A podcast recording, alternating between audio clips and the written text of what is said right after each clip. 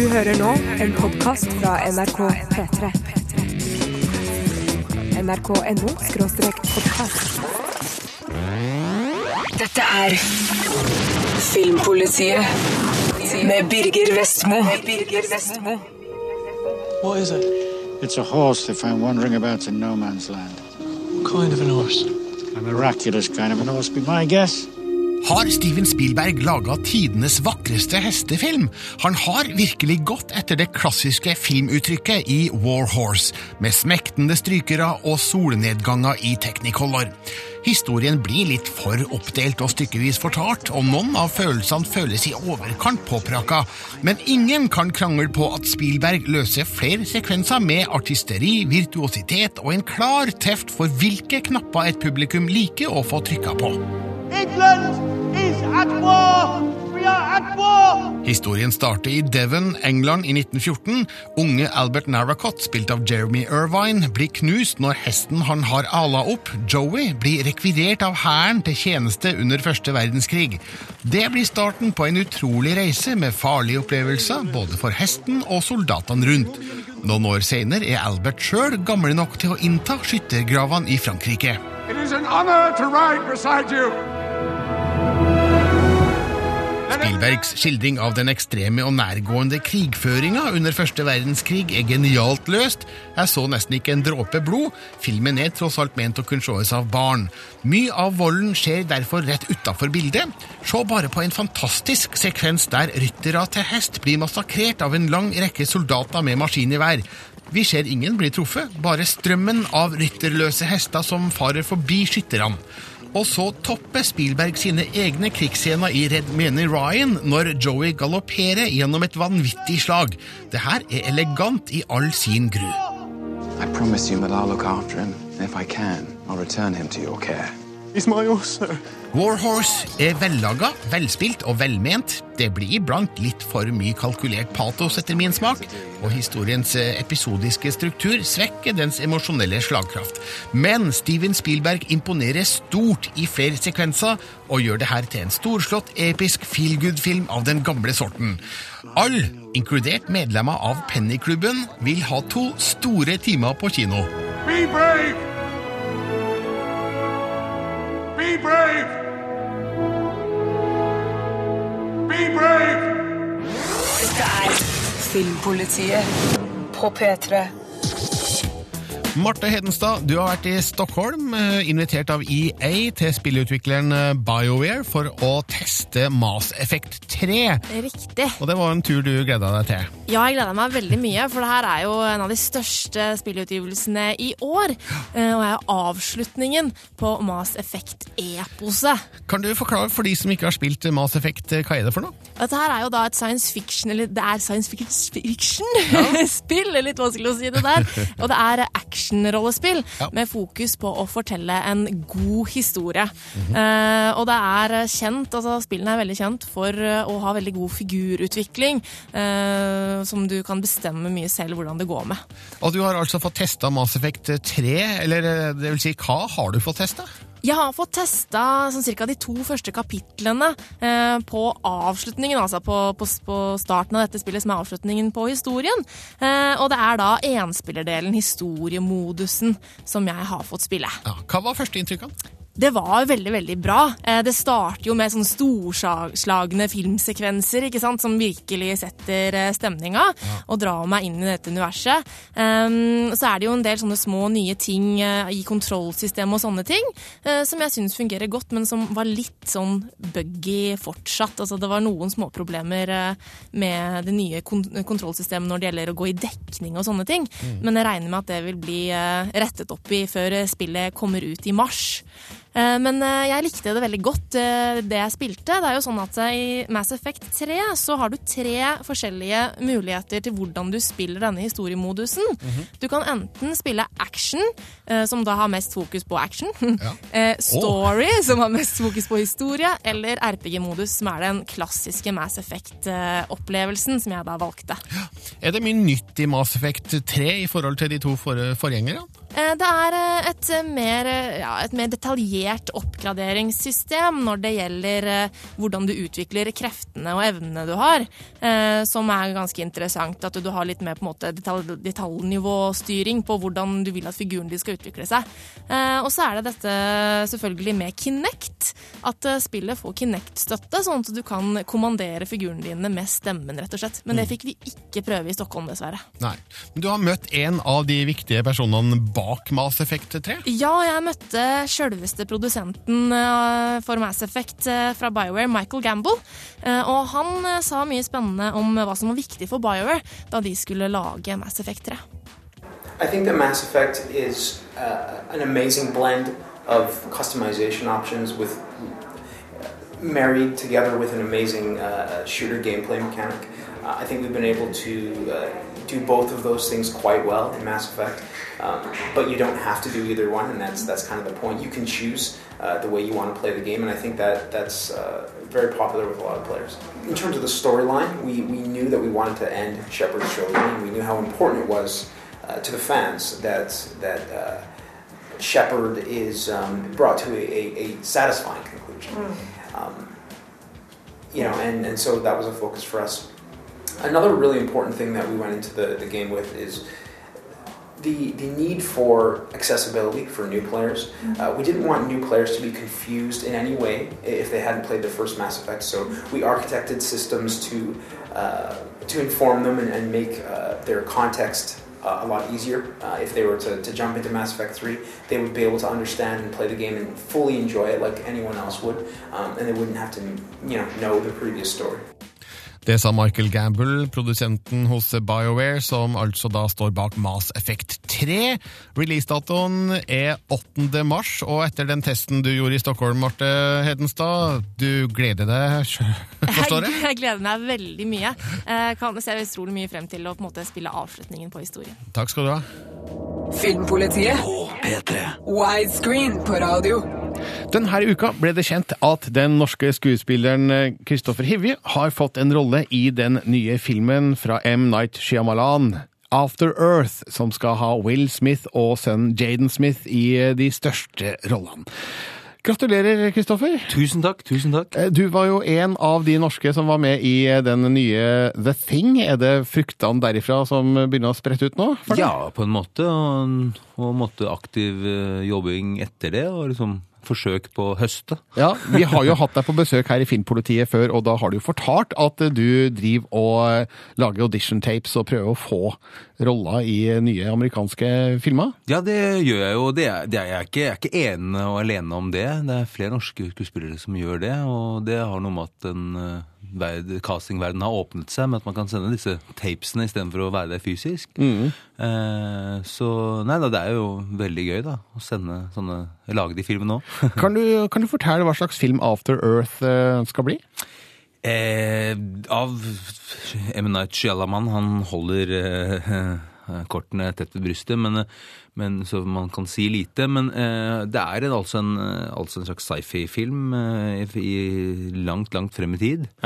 Eh, som handler om en, en, en, en far og en sønn, en familie som krasjer på jorden 1000 år etter at menneskene har forlatt den. Ja. Kan du fortelle hva, slags rolle du skal spille her? Eh, egentlig ikke, for nå har jeg, nå har jeg måttet skrevet under så mange konfidensialitetsgreier, så jeg liksom tør ikke å si noen ting. Men eh, jeg kan bare det er en veldig, jeg har liksom en eh, bit som jeg skal ta ansvar for, og, og det er en veldig tøff rolle. Jeg er veldig, veldig fornøyd med den. Ja. Det, er, det blir kjempegøy. Er det liksom fem minutters screen time, eller er det hele filmen, eller veit du hvor stor rollen er egentlig? Nei, jeg skal ned og skal være der tre uker og tipper jeg har en ti innspillingsdager. Ja. Så, så måtte jeg, har måttet, jeg er en birolle som har en viss funksjon, Uh, og så får vi se hvor, hvor stor den blir. Det er det klippen som bestemmer. Ja. Men uh, jeg har i hvert fall mye, mye, mye morsomt å si. Eh, hvilket forhold har du til, til M. Night Shyamalan fra før av? Nei, Jeg har et veldig godt forhold til han. altså. Jeg må si at Han har eh, skremt vettet av meg på eh, magiske og poetiske måter gjennom hele min oppvekst, Ja. kan man si.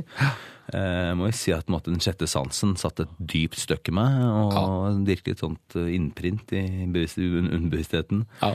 Og Science er jeg også veldig begeistret for, Unbreakable er jeg begeistret for, og så akkurat Lady in the Water. Nei, jeg må si at Han er jo en av de Hollywood-regissørene med en sånn, sånn, et personlig touch. da. Du, Mm. kan liksom, du kan nesten høre at det er en Shyamalan-film. Eh, hva med Will Smith? Har du noe forhold til, til hans filmer?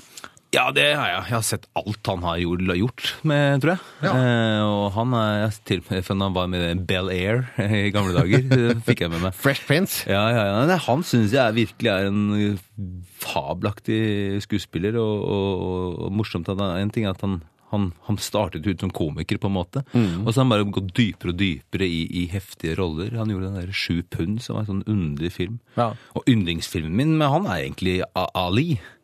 Som aldri kom på kino i Norge engang, men hvor han liksom lager et portrett av Mohammed Ali som er riktig så, så heftig og så dyptloddent. Eh, Så jeg må si at eh, Nei, og så virker han jo som en levende type, da, for å si det sånn. Ja, han har jo blitt norgesvenn, selvfølgelig, etter å ha vært med i Harald Svart. Eh, Vært, nei, han var vel ikke med, da. Han, han var med som produsent på den Harald Svart-filmen eh, Karate Kid. Nyinnspillinga, av den. Ja, ja, ja. de- de- Harald Svart fikk jo dem alle til eh, Fredrikstad, som Ja. han pleier. Og også Jaden Smith, sønnen hans, skal også spille i denne filmen. eh, Jeg vet ikke, Så du Karate Kid? Den oh, nye jeg- versjonen? Nei, jeg grein fra filmen begynte til den slutta. Jeg har et sterkt forhold til Karate Kid allerede fra langt, langt tilbake. Nei, ja, ja, så han er jo et kjempetalent og en, en, en nydelig guttunge. Mm. Nå er det altså da en eh, ny amerikansk filmrolle på det her nå. eh, Og er dette sånt som kan balle på seg? Er snøballen i gang nå, føler du? Nei, jeg vet ikke hva jeg skal si. Når, når, man, når, man, når vi snakket, når vi gjorde eh, eh, The Thing, så sa alt det var vel etter dette her, og når, man, når det blir noe etter dette her, snakker alle om hva Ja. blir etter dette her igjen. Akkurat. For meg så har jeg nå full fokus på det, det jeg skal gjøre, og, og forberede, meg, forbered meg til denne rollen og gå ned og gjøre den og ha det gøy med det. Så, så utover det så bare fortsetter jeg å jobbe og gjøre de auditions jeg kan, og gjøre de så bra som mulig. Hva slags type roller er det du gjerne er på jakt etter? Er det type alt? Nei, du, når du har eh, et skjegg på 30 cm og rødt, krøllete hår, så er det liksom Det er liksom uteliggere og Harley Davidson-karer, vikinger, villmenn, huleboere. Det er, det er, det er, mitt, det er mitt, mitt felt. Ja.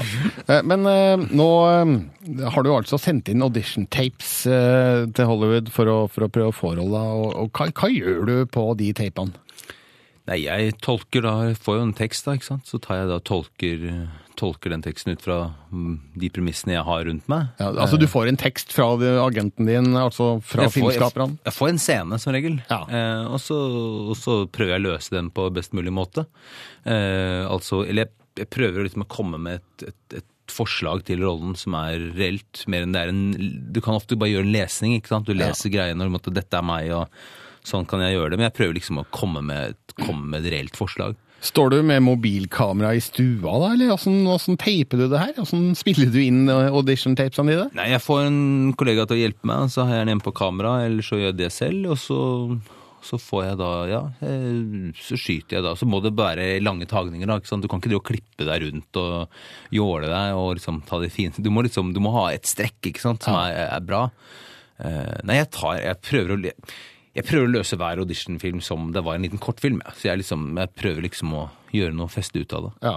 Og da bruker du en hel dag på det, eller?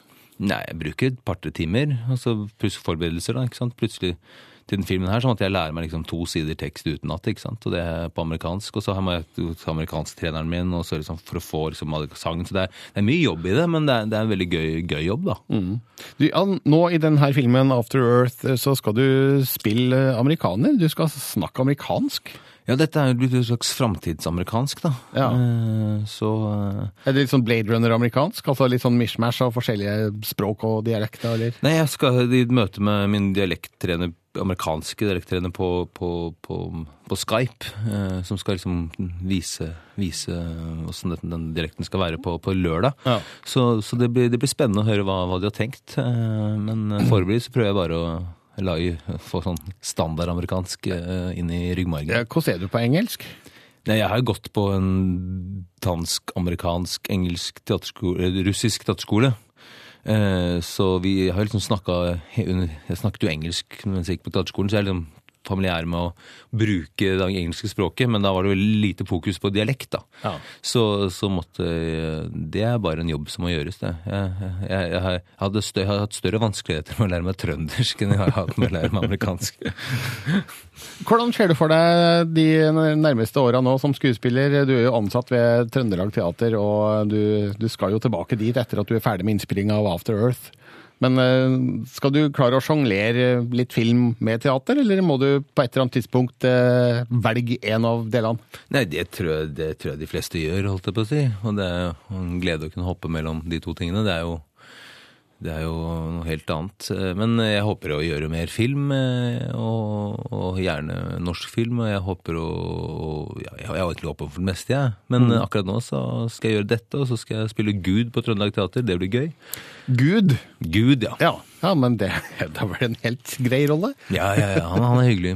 Gud tar du på strak arm. Han, han er klar. Han er, han er skjegg, vet du. Men først er det M. Night Shyamalan. Først er det, først er det han, og det, det blir, han spiller jo alle, spiller alltid en rolle i filmene sine òg. Det er altså veldig, veldig, veldig morsomt. Kanskje du får han som motspiller? Ja, det hadde vært gøy. After Earth eh, skal spilles inn i Philadelphia, forstår jeg? Ja. Vet du hva som møter deg når du kommer dit? Nei, jeg vet at øh, Nei, det vet jeg ikke. Jeg har liksom ikke fått sjekka ut Philadelphia. Men jeg vet at det er i nærheten av New York. Men jeg, sånn jeg ser innspillingsplanen, så er det tette dager og skyter vel ganske radig. Eh, Og mine scener ligger rett hverandre. Så, ja, så det kommer til å bare gå rett på sak, tror jeg. Ja. Skal det være utendørsfilming, eller skal det være i et filmstudio, eller veit du noe om det? Dette vet jeg veldig, veldig lite om. Ja. Så øh, akkurat nå så vet jeg i hvert fall at Will og uh, Emma Knight de, de er jo fra Philadelphia. Og jeg tror Will Smith-familien bor i Philadelphia. Så det er noen en grunn til at de Han er skal filme i bakgården sin. Ja, ikke sant? Ja. Filme i stua. Men um, ehm, er forhåpningene store til at eh, det her kan føre til enda flere Hollywood-roller for deg? Som sagt, jeg, jeg sender, fortsetter å sende inn mine tapes og jobber for det, men akkurat nå så det er ikke det i min bevissthet. Nå tenker jeg på dette her og gjøre den jobben her. Og ikke være Ja, jeg, jeg, dette er dette som jeg konsentrerer meg om. Tror du at eh, rollen du nå fikk, og rollen i The Thing, eh, er det en del av den skandinaviske bølgen vi har opplevd litt på krimfronten og på filmfronten de siste åra? Ja, De har måttet fått øya opp for skandinavere. eh, Og det er liksom de, de, de Mange møtterne sa at dere er jo så ekte, sier de. Og, og det er liksom fordi at det er, det er, folk er litt mer røfsete og har litt, litt, litt, litt sånn liksom rufsete utseende og litt, litt, litt Folk er, Det er mye gode skuespillere i Skandinavia, som at Ja. de Ja da, de, de er begeistret. Men eh, danskene har jo hatt eh, Mats Mikkelsen i noen år, svenskene har hatt Stellan Skarsgård og Petter Stormare. Det har liksom ikke vært helt det samme fra Norge. Er det du nå som skal starte her, Kristoffer Hivju? Nei, jeg tror det er mange norske skuespillere som er på randen til å kunne gjøre ting eh, i Amerika. Jeg, tror at, eh, jeg tror at danskene har liksom hatt dette med at de har hatt eh, filmer som har liksom gått, gått langt ut, da. Og samme svenskene. Og nå, det, nå gjelder det Norge. Og jeg liksom, når jeg var i Toronto, så så jeg liksom Max Manus var satt opp der nede. og og, og den, hva heter den, Trolljegerne har jo mm. gått en gang. og det, måtte, det er mange, mange filmer nå. Det, Hodejegerne kommer sikkert til å smelle i mange steder i, over, over våre grenser. Så, så jeg tror at det kommer til å være med på å, å måtte brøyte vei. Eh, og, og gjøre, gi muligheten, da. Så de norske filmfolka og skuespillerne som vil over Atlanteren for å gjøre noe, går eh, kanskje bedre tida i møte? Ja, det tror jeg helt sikkert. Men man må jobbe selvfølgelig aktivt for det, og man, man må jo måtte vise seg fram for disse, disse her der nede. Men de er jo veldig åpne for det, og de, de, de leter etter nye, nye, nye, nye folk eh, kontinuerlig. Og, de er veldig våkne og åpne for eh, skandinavere, og, og helt sikkert eh, oss nordmenn. Kristoffer Hivje, det her er veldig kult. Eh, når du kommer tilbake fra filminnspillinga nå i, i vår, fra After Earth, så håper jeg du kan komme tilbake og fortelle litt eh, hvordan var det egentlig. Ja, det, det skal jeg gjøre. For Lykke til, og så får du hilse eh, M. Night og Will. Jeg skal gjøre det. Takk for at jeg fikk komme. Dette er Filmpolitiet med Birger Vestmo. Birger Vestmo. Mrs. Thatcher, one simply has to make you look and sound like the leader that you could be. No matter how I've tried, I know I will never be truly one of them. Meryl Streep storspiller i en film som ikke helt makter å matche prestasjonen. Jernkvinnen er altså et portrett av Margaret Thatcher, Storbritannias statsminister fra 1979 til 1990. Men i stedet for å fokusere på hennes aktive tid som politiker, viser filmen oss dagens Thatcher. Den gamle, demente kvinnen på kinolerretet står som en stor kontrast til den hun en gang var. De korte tilbakeblikkene på hennes liv og politiske karriere minner meg på at sjøl den sterkeste er forgjengelig. Men historien flakker for mye omkring etter min smak. Jeg ville ha foretrukket et større fokus på tida som ga Thatcher tilnavnet Jernkvinnen. Filmen starter med at den gamle Thatcher kjøper melk i butikken. Ingen ser ut til å ane hvem hun er, eller hvilken betydning hun har hatt for Storbritannia. Det viser seg at hun har sneket seg ut av hjemmet, hvor hun passes på døgnet rundt pga. stadig mer pågående demens. Flyktige minner tar oss med tilbake til hennes yngre år, der vi får skildra noen formative opplevelser som kan forklare hennes senere politiske engasjement. Vi får i tillegg oppleve flere av Thatchers viktigste begivenheter som statsminister. Filmen er òg et rørende portrett av et livslangt kjærlighetsforhold, der Dennis Thatcher, spilt av Jim Broadbent, er Margarets eneste faste holdepunkt i en stormfull politisk hverdag. Vi ser den gamle Margaret før stadige samtaler med han, sjøl om han har vært død i flere år. Samspillet mellom Streep og Broadbent er prega av nærhet og varme. Ikke akkurat det jeg forbinder med Maggie Thatcher, slik jeg husker hun. Meryl Streep gjør en fantastisk hovedrolle. Hun transformerer seg totalt, både i utseende, talemåte og utstråling, med ekstrem myndighet og autoritet. Hun ble ikke kalt jernkvinnen uten grunn. Hennes politiske karriere var prega av iskald retorikk og en uforsonlig holdning til sine motstandere. Også som privatperson blir Thatcher fremstilt som en smule kjølig, noe filmen hintvis forklarer med et dårlig forhold til sin mor. Streep har full kontroll over denne figuren, sjøl om den spenner over flere år og mentale tilstander. Filmen gjenforener Meryl Streep og regissør Felida Lloyd. Deres forrige samarbeid var ABBA-filmen Mamma Mia. Jernkvinnen er en helt annerledes og mer ambisiøs film. Ved å mikse nåtid med fortid forsøker dem å gi oss et bilde av hva som forma Thatcher som politiker, hvordan hun ble statsminister, hvordan hun løste sine største oppgaver, og hvordan hverdagen fortoner seg for hun nå.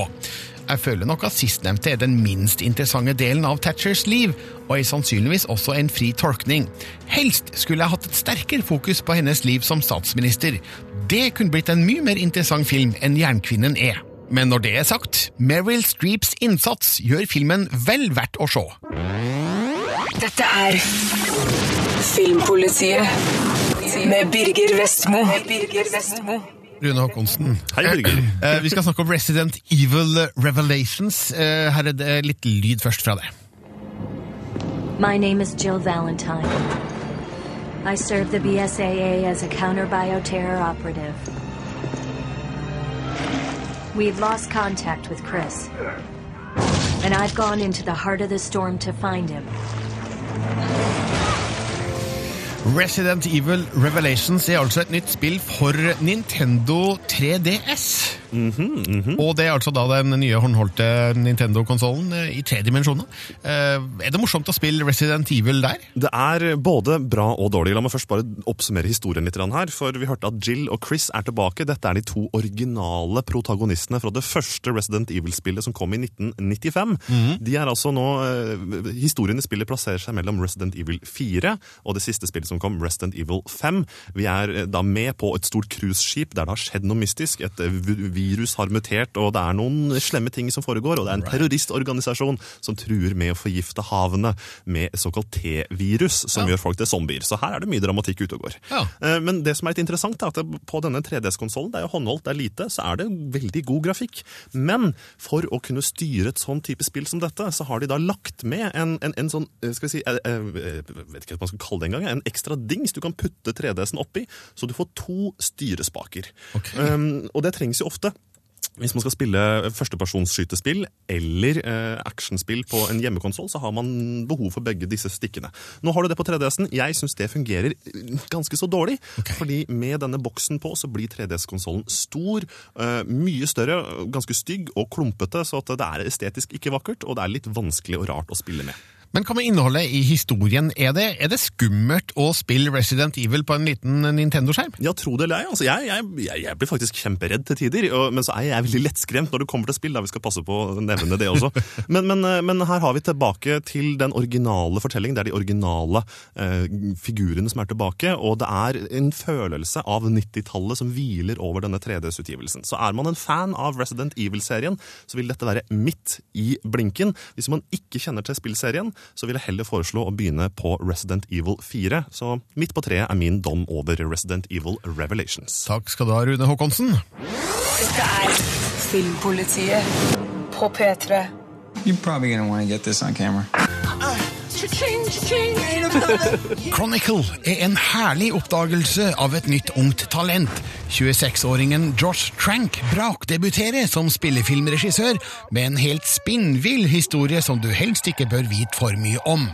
Samtidig har manuset, skrevet av Max Landis, sønn av John Landis, en overraskende dybde, med noen figurer som er mer interessante enn de pleier å være i slike filmer. Resultatet er en levende og energisk film som ga meg skikkelig bakoversveis. Andrew, spilt av Dane DeHaan, filmer livet sitt, som ikke er spesielt supert. Mora er sjuk, faren alkoholisert, og han er et utskudd på high school. Men så snubler han over noe helt spesielt, sammen med Matt, spilt av Alex Russell, og Steve, spilt av Michael B. Jordan. I begynnelsen fører funnet til fart og moro, men når en av dem begynner å bruke det til å takle sine personlige problemer, eskalerer ting med uante konsekvenser. Chronicle tar skikkelig av etter hvert, uten at jeg skal avsløre hva som skjer. Men det vi får se, er prega av gode ideer, stor oppfinnsomhet, godt skuespill, kompetent redigering og flotte effekter. Hakeslepp er garantert. Det må òg nevnes at filmen er i den såkalte found footage-kategorien, altså satt sammen av private opptak som på et eller annet tidspunkt er redigert sammen til en film à la Blair Witch Project, Cloverfield og Trolljegeren. Men her brukes kameraet på litt annet vis med særdeles effektivt resultat. Da er det ikke så nøye at noen scener er i overkant profesjonelt fotografert. Theory, though, like. Jeg elsker å bli overraska av skikkelig kule filmer. Hvem gjør ikke det? Chronicle viser meg bilder ingen andre filmer har gitt meg, og den forteller en historie der jeg bryr meg om figurene midt oppi alle spesialeffektene. Josh Trank gjør en kul vri på en kjent sjanger, og filmen hans fortjener å bli sett av mange, inkludert deg.